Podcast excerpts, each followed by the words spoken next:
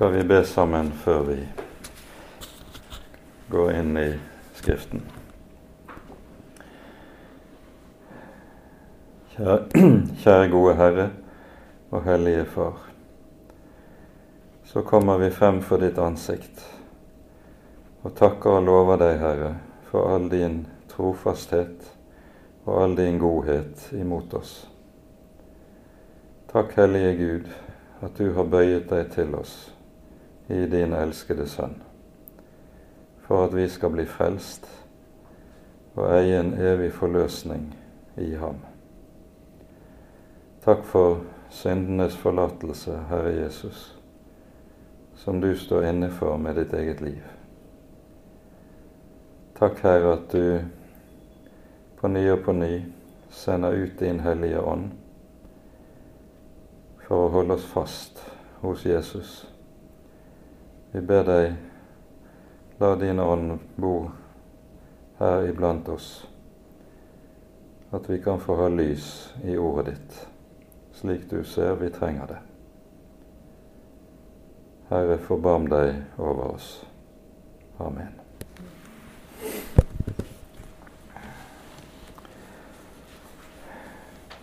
Jeg vet ikke om eh, mange av dere har brukt noe tid nå når vi har satt av eh, denne perioden til å arbeide med Jobbs bok, om noen av dere har brukt tid på å prøve å lese gjennom boken i sammenheng. Det er ikke noe enkelt prosjekt. Og eh, når du leser Jobbs bok, er det ganske lett å bli forvirret, slik som vi har pekt på tidligere. Fordi, eh, ikke minst fordi du møter denne stadige blanding av noe som er rett, og noe som er helt galt i eh, meget av det vi hører først og fremst fra Jobb sine venner. De sier mye som er riktig, og som eh, vi slett ikke kan si nei til etter Guds ord. Og samtidig blandes det altså opp med ting som slett ikke stemmer og er riktig. Og nettopp dette skaper stor forvirring for mange når de gir seg i kast med Jobbs bok. Det vi skal uh, gjøre i dag, det er at vi skal ta for oss et avsnitt i boken og se på uh, en del av det vi møter i den andre talesyklusen. Vi har jo pekt på at uh, vi i bokens hoveddel, som altså går fra kapittel 4 og ut til og med kapittel 31, så møter vi tre talesykluser. Der eh, vi først hører en av Jobbs venner holde en tale til Jobb, og så Jobbs svar, og så en, den neste av Jobbs venner holder sin tale, og så Jobbs svar, osv. Og Vi møter altså tre slike talesykluser i boken. Den andre av disse den begynner i kapittel 15. Det er viktig også å være oppmerksom på det som uh, gis oss i uh, Jobbs boks fasit. Det som vi altså hører i det 42. kapittel, der Herren åpenbarer seg for Jobb og eh, sier meget tydelig at Jobbs venner ikke har talt rett om Gud og det står altså i motsetning til det som Jobb har talt. Vi får altså Herrens eget vitnesbyrd i kapittel 42 at Jobb ikke har talt vrangt om Gud. Selv om vi kan møte meget fra Jobbs munn som vi vil føle det ganske vanskelig eh, om vi selv skulle sagt det samme. Men vi ser hvor, altså hvorledes Herren godt tåler det at den dypeste fortvilelse kles i ord som nesten kan føles som å være på kanten av og til, men som likevel ikke blir ord som er i strid med og bryter med Guds ord. I eh, den andre talesyklusen så begynner den altså med kapittel 15, der vi hører på ny Elifas fra Teman eh, gripe ordet. Og vi hører han gjennom hele det 15. kapittelet. Og eh, det som eh, kjennetegner eh, Jobb sine venner, det er at de kommer til jobb for å trøste ham, men når de så begynner å tale, så er det det motsatte av trøst de har å gi. Og I Jobbs tilsvar til Elifas i kapittel 16 er det vi hører dette fra i vers 2, der Jobb sier Jeg har hørt nok av dette. Dere er plagsomme trøstere, alle sammen. Det, det er jo noe dypt allmennmenneskelig i dette. At det enkelte som ganske velment vil stille opp og prøve å komme med et og annet som de rent subjektivt mener kan være til hjelp og til trøst, og så viser det seg å være til det stikk motsatte for den som lider. Dere er plagsomme trøstere, sier Jobb om disse.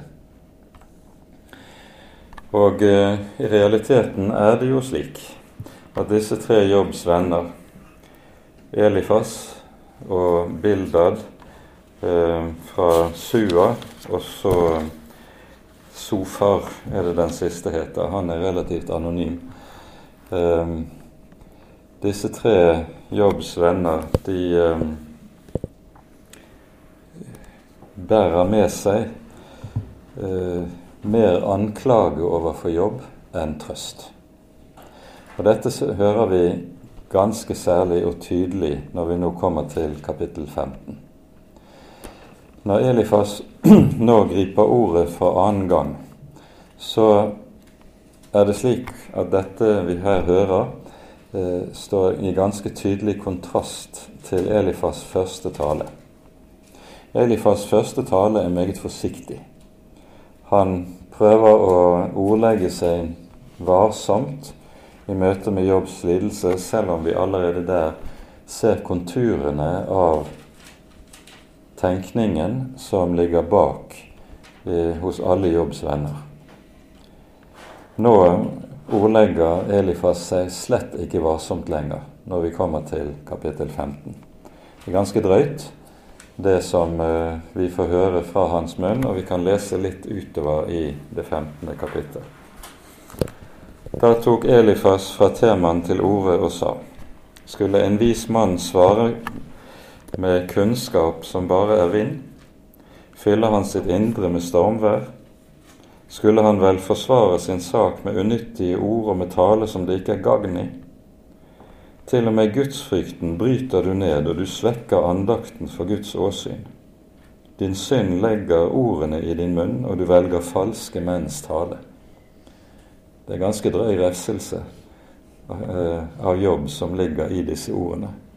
Og vi forstår at Elifas antagelig eh, føler seg dypt fornærmet av Jobb sine tilsvar, både til ham selv og det som har lydd til eh, de andre to vennene. Din egen munn domfeller deg, ikke jeg, og dine lepper vitner imot deg. Ble du født først av alle mennesker, eller kom du til verden før alle hauger var til? Hva du tilhører Guds hemmelige råd og tilrannet deg visdom der? Hva vet du som vi ikke vet? Hva forstår du som er ukjent for oss.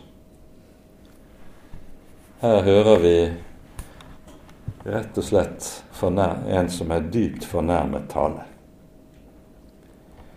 Eh, det har vært sagt om akkurat dette at hvordan et menneske takler fornærmelse, noe som viser meget tydelig hva som er mannens karakter. Og det er det meget i. I hvert fall eh, må vi vel si at Elifas her eh, avslører seg selv relativt tydelig.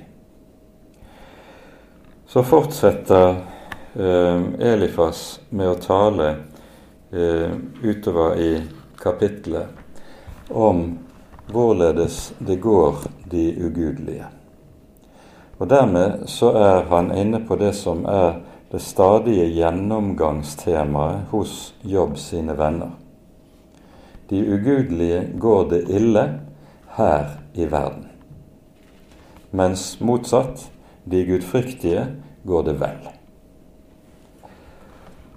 Og så ligger det da i dette den underforståtte anklage mot jobb, at når det har gått deg så ille, så er det fordi det er en eller annen skjult form for ugudelighet hos deg. Og det er denne anklagen Jobb forsvarer seg mot med nebb og klør gjennom alle sine taler. Han vet ikke av noe urett hos seg selv. Når han ransaker sitt eget hjerte og sitt eget liv, så er han ikke i stand til å finne skjult synd som det ikke er gjort opp med. Og så er det jobb altså forsvare seg som han gjør i sine svartaler til sine venner. Og eh, tidvis så bikker Jobb sin, sitt selvforsvar over i det som kan minnes som den reneste egenrettferdighet. For eh, sånn er jo vi mennesker. Vi, når vi skal forsvare oss selv og eh, vår egen handlemåte, så kan vi fort komme til å bli ganske egenrettferdige. Selvforsvaret er ofte slik. Dette er det viktig også å være oppmerksom på hvis vi vil kjenne oss selv rett. Vi skal ikke alltid være lynsnare med å prøve å forsvare oss selv og vårt eget. Vi bør lytte to ganger til de som pirker på noe i våre liv, og tenke kanskje er det Guds finger i dette som peker på noe som bør gjøres opp i, renses opp i, i livet mitt. Jobbs svartale møter vi så i kapittel 16 og i kapittel 17. Vi vil eh, ikke gå inn på alt i detalj her i talen, men vi hører hvorledes eh, Jobb også i denne talen klager sin store nød. Klager over at Herren har latt ham lide sånn som han gjør. Eh, vi kan godt lese noen vers eh, utover i eh, det 16. kapittel, så vi får et glimt av det. Jeg har hørt nok av dette. Dere er plagsomme trøstere alle sammen blir det aldri ende på de tomme ordene. Hva er det som egger deg til å svare? Også jeg kunne jo tale som dere, om dere var i mitt sted. Kunne jeg sette sammen ord mot dere, og jeg kunne riste på hodet av dere. Og så kommer vi litt lenger ned til vers 7. Ja, nå har Gud trettet meg ut du har utryddet hele min husstand. Du grep meg fatt, og dette ble til vitne mot meg. Min magerhet sto opp og anklaget meg, like i mitt ansikt vidnet den mot meg. Hans vrede fortærte meg og forfulgte meg. Han skar tenner imot meg, og mine motstandere ser på meg med skarpe øyne. Så skildrer han sin smerte og sin lidelse i det som følger videre i kapittelet. Men så i slutten av kapittelet så dukker det opp noe underlig, som likesom er et lysglimt av håp. Og det er et av de viktige versene i Jobbs bok, som hører nøye sammen med det vi møter i kapittel 19. Eh, når vi kommer til det 19. kapittelet, så hører vi Jobbs andre svartale, svartalen på ordene fra Bildad fra Sua. Og gjennom hele denne svartalen så skildrer Jobb fortsatt sitt store mørke, sin store smerte og sin store lidelse. Men så er det like som det likevel er et håp. Og det er det som eh, blir noe av det grunnleggende spørsmål for et menneske som går igjennom dype vann, gjennom tunge smerter og lidelser. Er det noe håp? Og på slutten av kapittel 19 er det vi møter dette glimt av håp hos Jobb, som er et av de helt sentrale ordene i Jobbs bok.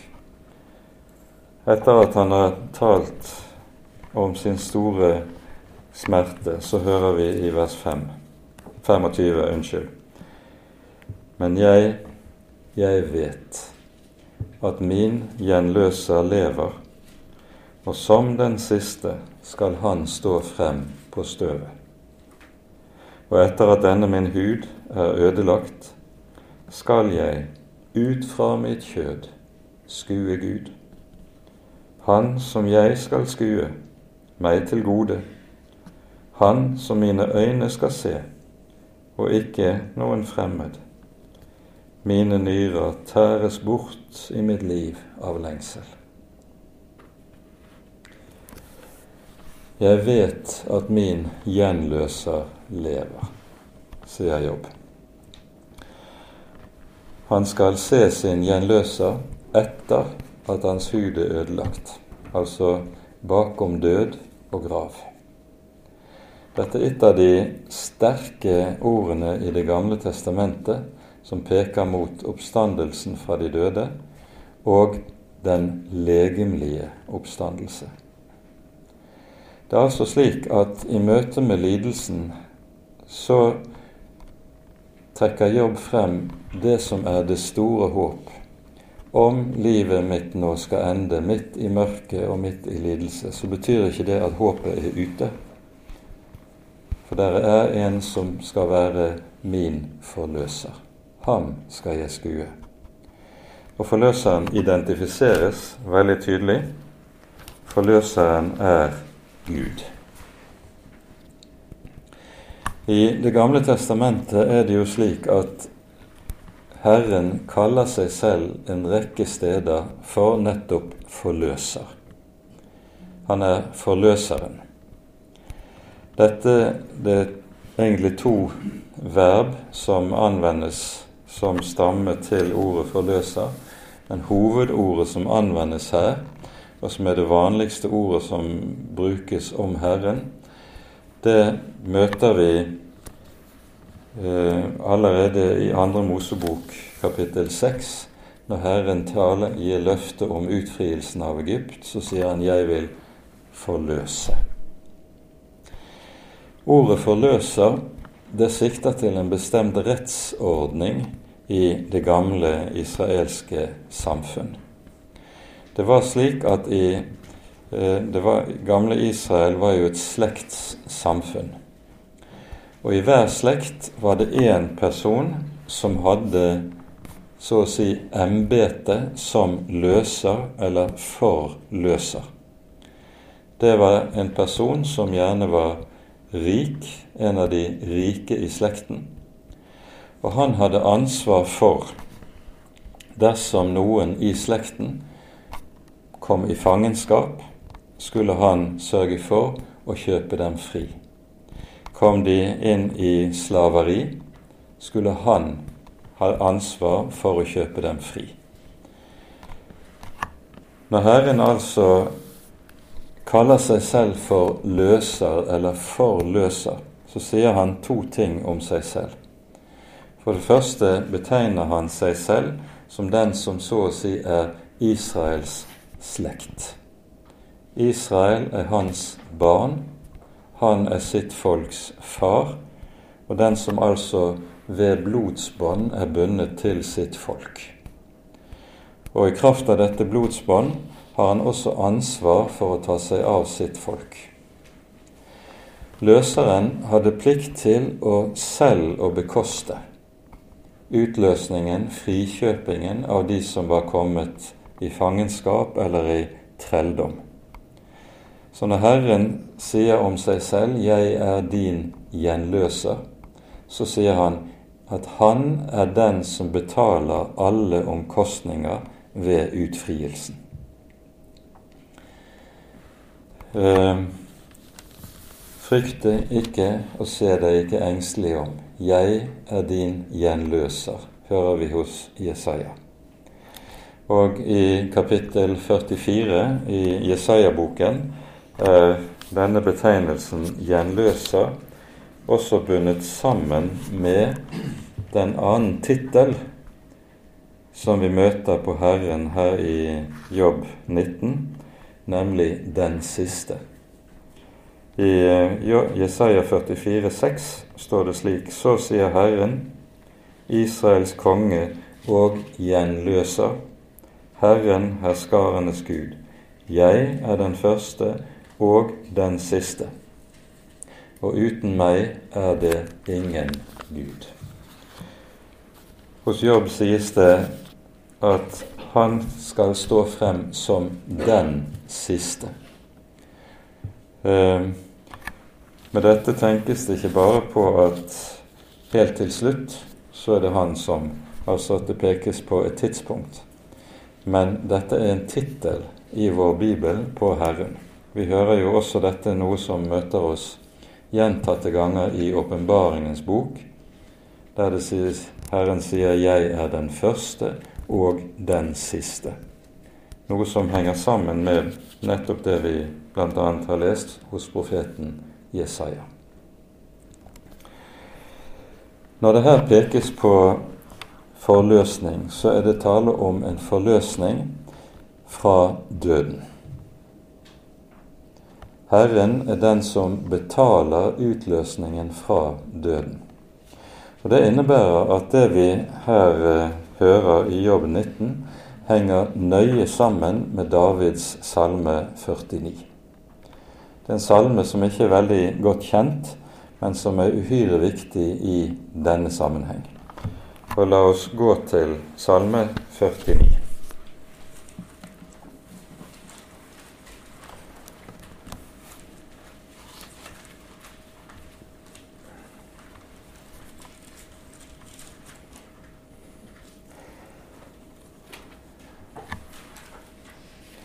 Her er det tale om forholdet til døden. Og hvorledes døden er den som hersker over menneskene helt uten persons anseelse.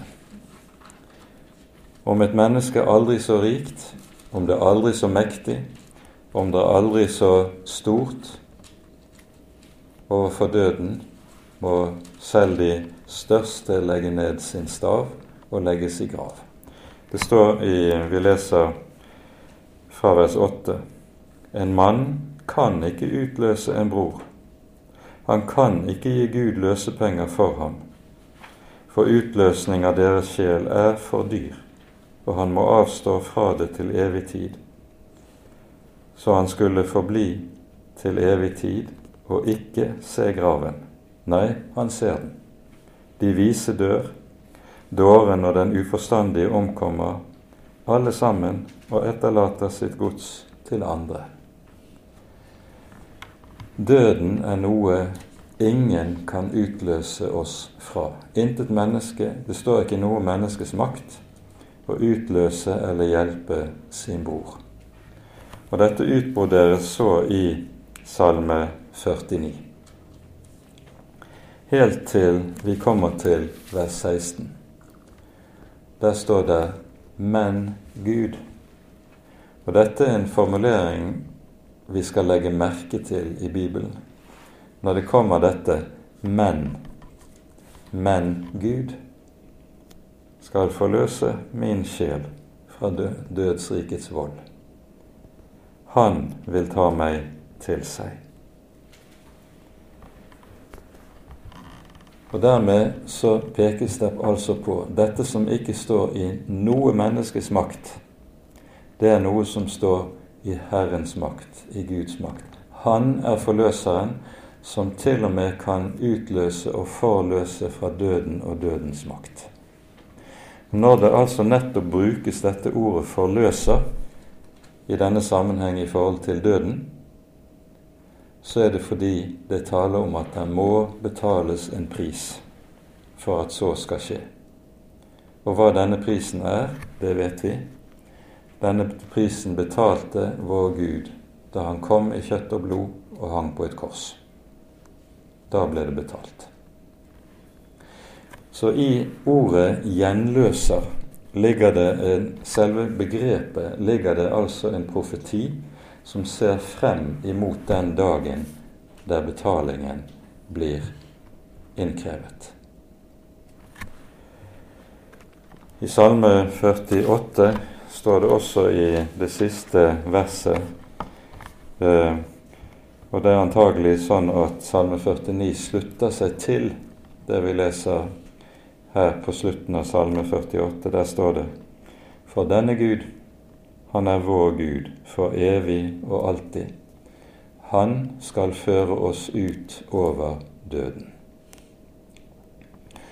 Og Dette håpet som her males for oss, det møter vi igjen hos profeten Jesaja. Og kanskje vi her først og fremst skal peke på kapittel 25 og 26.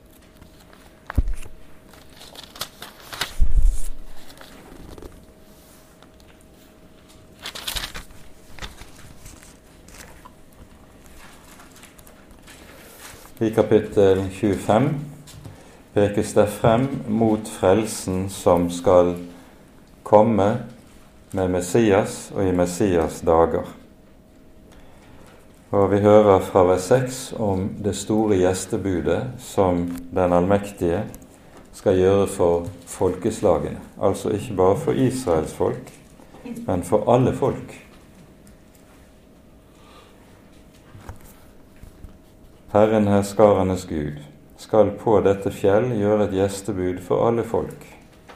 Et gjestebud med fete retter, et gjestebud med gammel vin, med fete og margfulle retter og med klaret gammel vin.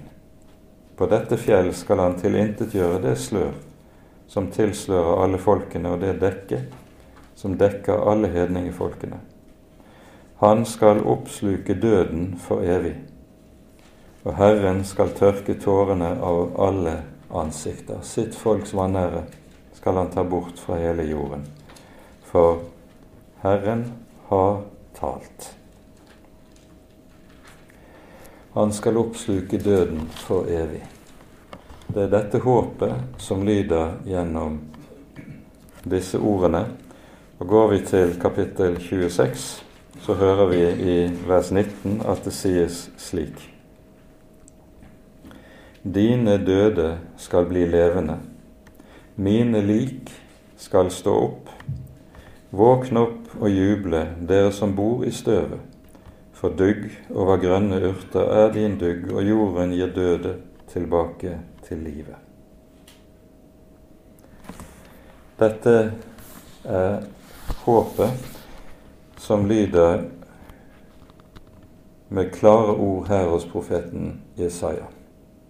Og vi skal være oppmerksom på at disse kapitlene hos Jesaja er jo talt inn i en tid for det gamle testamentet i Israel som var dypt, dypt kritisk. Det er den asyriske perioden hvor det asyriske verdensriket ser ut til fullstendig å gjøre ende på Guds folk. Og i møte med denne voldsomme krisen så holder profeten frem det som er Guds folks store håp. Om alt raser her i verden, så er det dog et håp. Dine døde skal bli levende, mine lik skal oppstå. Og det er tilsvarende altså det, det som vi møter fra Jobbs munn her i det 19. kapittel. Det vi altså står overfor her, er dette. Hva er det endelige håpet for Guds barn og for Guds folk midt i nød og smerte og lidelse. Og så er dette det kristne håp.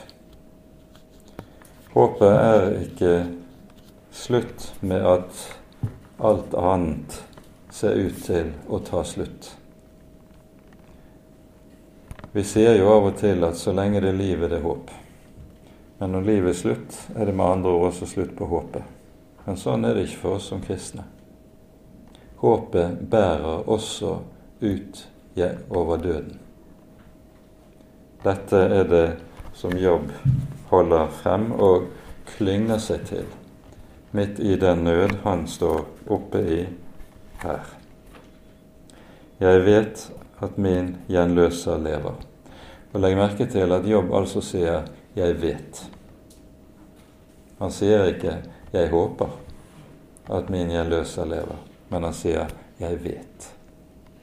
I dette ligger det en forvissning som har det med seg at der du har et sånt håp, der er det håpet som bærer deg, og ikke du som bærer håpet. Jeg vet. Som den siste skal han stå frem på støvet, og etter at denne min hud er blitt ødelagt, skal jeg ut fra mitt kjød skue Gud.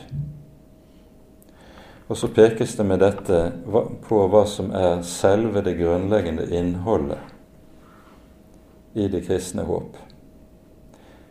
Å skue Gud. Dette hentes frem i åpenbaringsbokens 22. kapittel.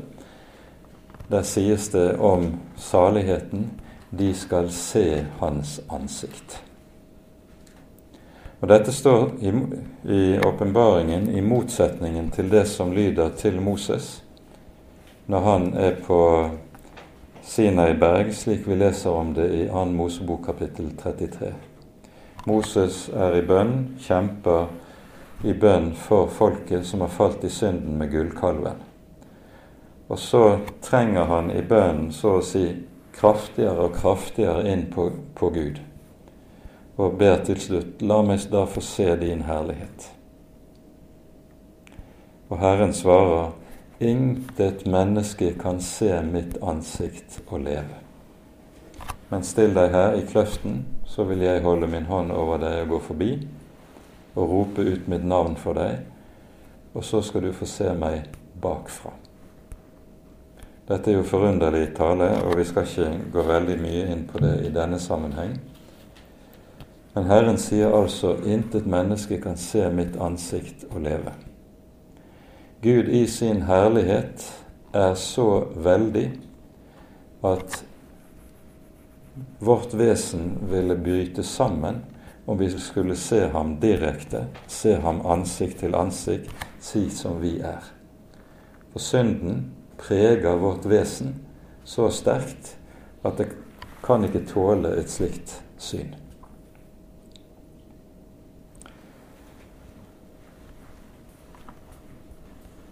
Intet menneske kan se mitt ansikt og leve. Det gjelder her i verden. Men når dagen kommer, og vi står opp fra de døde, da skal vi også være fri fra det gamle mennesket, som er bestemt i hele sitt vesen av synden og syndens herredømme. Og Dette taler apostelen Johannes om i sitt første brev i det tredje kapittel. Der sies det slik Dere elskede, nå er vi Guds barn, men det er enda ikke åpenbaret hva vi skal bli. Men vi vet at når Han åpenbares, da skal vi bli ham like, for vi skal se ham som han er. De skal se Guds ansikt, lyder det i Åpenbaringen 22. Og dette syn, det er altså et syn som har en gjennomgripende, forvandlende makt. Vi skal bli ham like, for vi skal se ham som han er. Å se Gud, det er altså ikke noe som er noe rent nøytralt. Det er noe som bærer i seg skapende makt. Dette er, er det altså jobb lengter etter. Han som jeg skal skue meg til gode. Ja, det blir oss til gode, for vi skal bli ham like når vi ser. Mine nyrer tæres bort av lengsel etter dette. Og med dette, det siste som her sies, så møter vi jo også noe som bekreftes av den kristne erfaring. Der hvor mennesker har det godt, behagelig og nyter dette liv, der er det kristne håp ofte veldig svakt. Det er noe som kommer i bakgrunnen. Men der mennesker, der troende, får oppleve rikelig av livets trengsler, av kors og av nød, der rykker håpet inn og blir sentralt og avgjørende viktig i den kristnes liv. Og det er slik vi møter det altså her hos Jobb, når han sier det han gjør. Mine nyrer tæres bort av lengsel, nemlig etter dette. Vi eh, nevnte at disse ordene i kapittel 19 henger nøye sammen med noe Jobb sier i slutten av kapittel 16 um, ehm, i sin svartale til Elifas. Um, og Da leser vi fra vers 18 her i det 16. kapittel. Og jord, dekk ikke mitt blod. Måtte det ikke være noe sted hvor mitt skrik stanser. Se, også nå har jeg mitt vitne i himmelen. I det høye er det en som taler min sak. Min talsmann er min venn. Med gråt ser mitt øye mot Gud. Her peker Jobb på at han har et vitne og en talsmann i det høye, og denne talsmann er Gud. Han kalles Gud i denne sammenheng, men vi vet hvem denne talsmann er, slik Bibelen taler om ham. Det er den andre person i guddommen, vår Herre Jesus Kristus. Han er vår talsmann. Som talsmann kalles han i Det gamle testamentet flere steder for Herrens engel.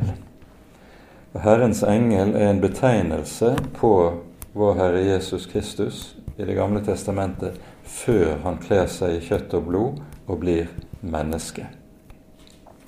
Og Grunnen til at han kalles Herrens engel, det er at Jesus er den evige mellommann mellom Gud og mennesker. Han er mellommann mellom Gud og mennesker både i skapelse og i frelse begge deler. Gud skaper verden ved ham, og han frelser verden ved ham. Jesus er den evige mellommann mellom Faderen og skaperverket. Og som mellommann er det altså at han er engel. Han er den som står mellom Faderen og den skapte verden. Altså både i form av at ved ham er alle ting skapt, og ved ham blir alle ting forløst og frelst. Han er altså talsmannen. Når Jobb sier sånn som vi hører her i vers 18, og jord, dekk ikke mitt blod, måtte det ikke være noe sted hvor mitt skrik stanser. Så tankegangen i dette det som vi minnes om i fortellingen om eh, eh, Kain og Abel, der Herren sier etter at Abel, Abel er blitt myrdet, så sier han til Kain, din brors blod roper til meg fra jorden. Jobb ber om at det samme skal være tilfellet for hans vedkommende at hans blod, at hans lidelse, at hans nød fortsatt må rope til Herren om at Herren må ta seg av hans sak. Og så kommer det altså i neste verset talen om vitnet i det høye, som også altså kalles for talsmannen. Som ikke glemmer hans blod, som ikke glemmer hans smerte og hans lidelse, men som i sin tid skal ta seg av hans sak.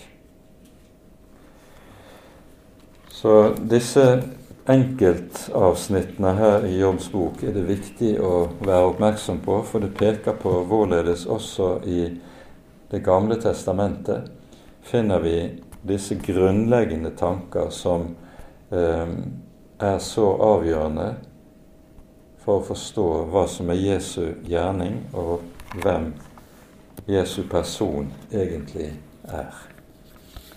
Det ligger lagt til rette for oss allerede her i Det gamle testamentet. Jeg tenkte at vi til sist også skal stanse opp for en siste tekst her i disse avsnittene i jobb, før vi neste gang kommer til å ta for oss Elihus tale, som begynner i kapittel 32 i Jobbs bok. Ehm, og Da går vi til kapittel 26.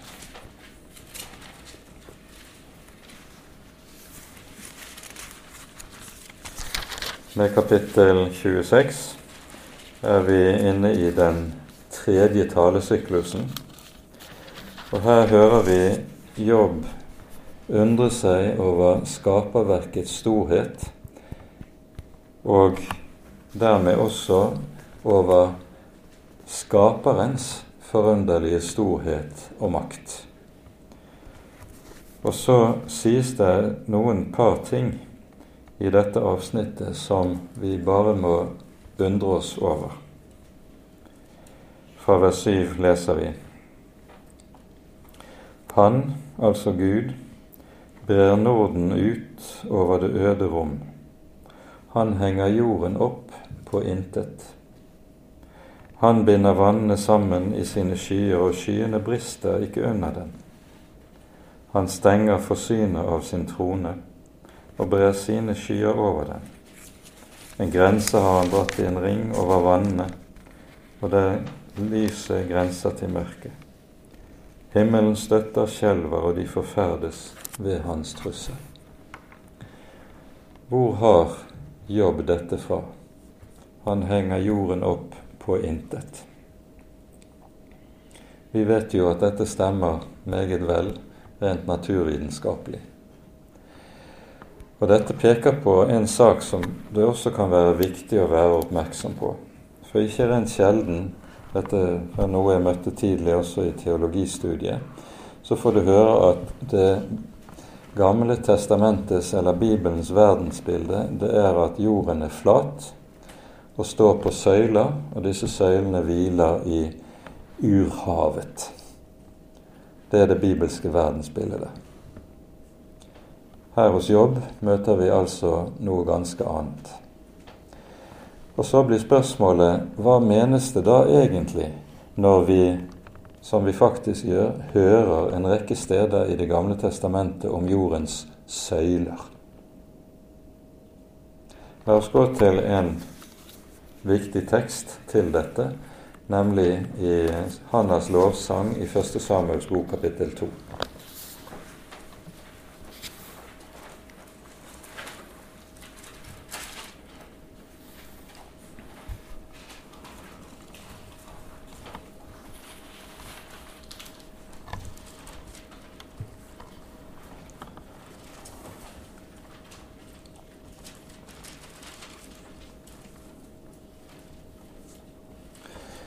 I Hannas lovsang så hører vi hvorledes Herren lovprises for sine veldige gjerninger. Og dette som vi har pekt på i mange sammenhenger, ganske særlig, hvorledes Gud først og fremst har to gjerninger. Herren døder og gjør levende. Herren gjør fattig og gjør rik. Vi leser det fra vers 6. Han fører ned i dødsriket og opp derifra. Han gjør fattig og gjør rik. Han nedtrykker og han opphøyer. Han reiser den ringe av støvet og løfter den fattige opp av smusset, for å sette ham hos fyrster og gi ham et ærefullt sete. Jordens støtter hører Herren til. På dem har han bygget jordriket. Det som her er oversatt med støtter, det betyr egentlig søyler.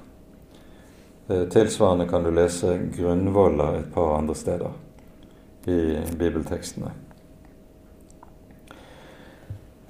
Det som er viktig å være klar over når det gjelder det hebraiske språk, det er at det alltid bruker det vi kaller for konkreter for abstrakter.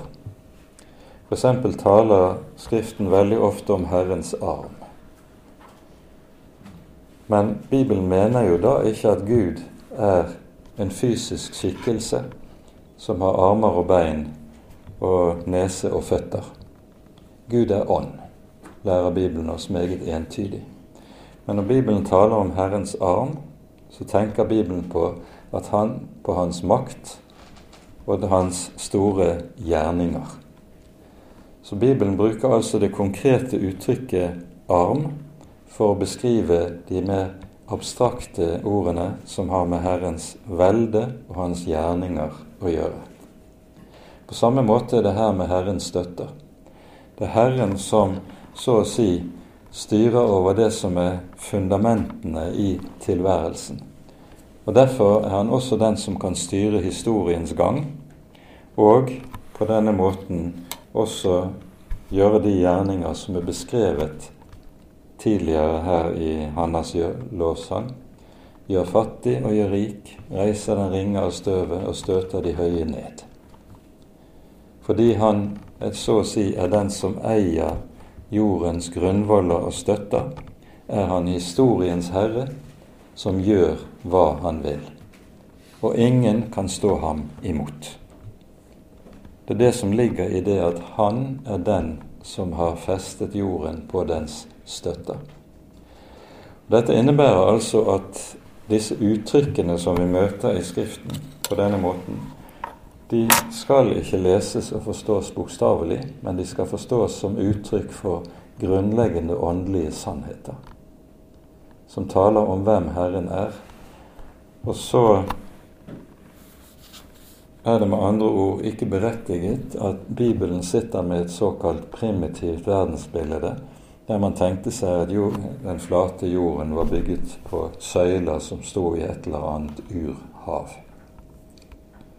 Bibelen har nemlig det med seg at den interesserer seg i svært liten grad for spekulasjon over tilværelsens uh, ulike sammenhenger. Det finner vi meget av i gresk filosofi. Allerede 400-500 år før Kristus og de, hos de greske naturfilosofene finner vi meget tenkning og spekulasjon rundt verdens beskaffenhet og tilværelse. Tilsvarende finner vi ikke i Bibelen og hos de bibelske forfattere. De taler om naturen utelukkende i den grad det har betydning for åpenbaringen og for menneskets plass i åpenbaringen. Og Derfor finner vi ikke tale om noe verdensbilde i Bibelen på samme måte som du finner det hos grekerne og i gresk filosofi. Dette er en viktig forskjell en bør være oppmerksom på, eh, så ikke med, vi ikke henter med oss forestillinger fra gresk filosofi inn i Bibelen når vi skal lese bibeltekstene, men lærer oss å lese bibeltekstene på deres egne premisser. Bibelen det er jo noe som var et grunnprinsipp under reformasjonen. Bibelen er sin egen tolk. Bibelen er sin egen tolk. Det betyr at Bibelen kan bare forstås i lys av seg selv og i lys av den sammenheng de ulike bibeltekstene forstår. Du kan ikke hente inn ideer eller forutsetninger utenfra for å bruke det som målestokk for å forstå bibeltekstene. Da vil en alltid komme galt av sted. Bibelen er sin egen tolk, Derfor er det avgjørende for oss å lære oss å lese Bibelen på dens egne premisser. Da skal vi kanskje avslutte med å minne om ordene fra 2. Peters brevs første kapittel.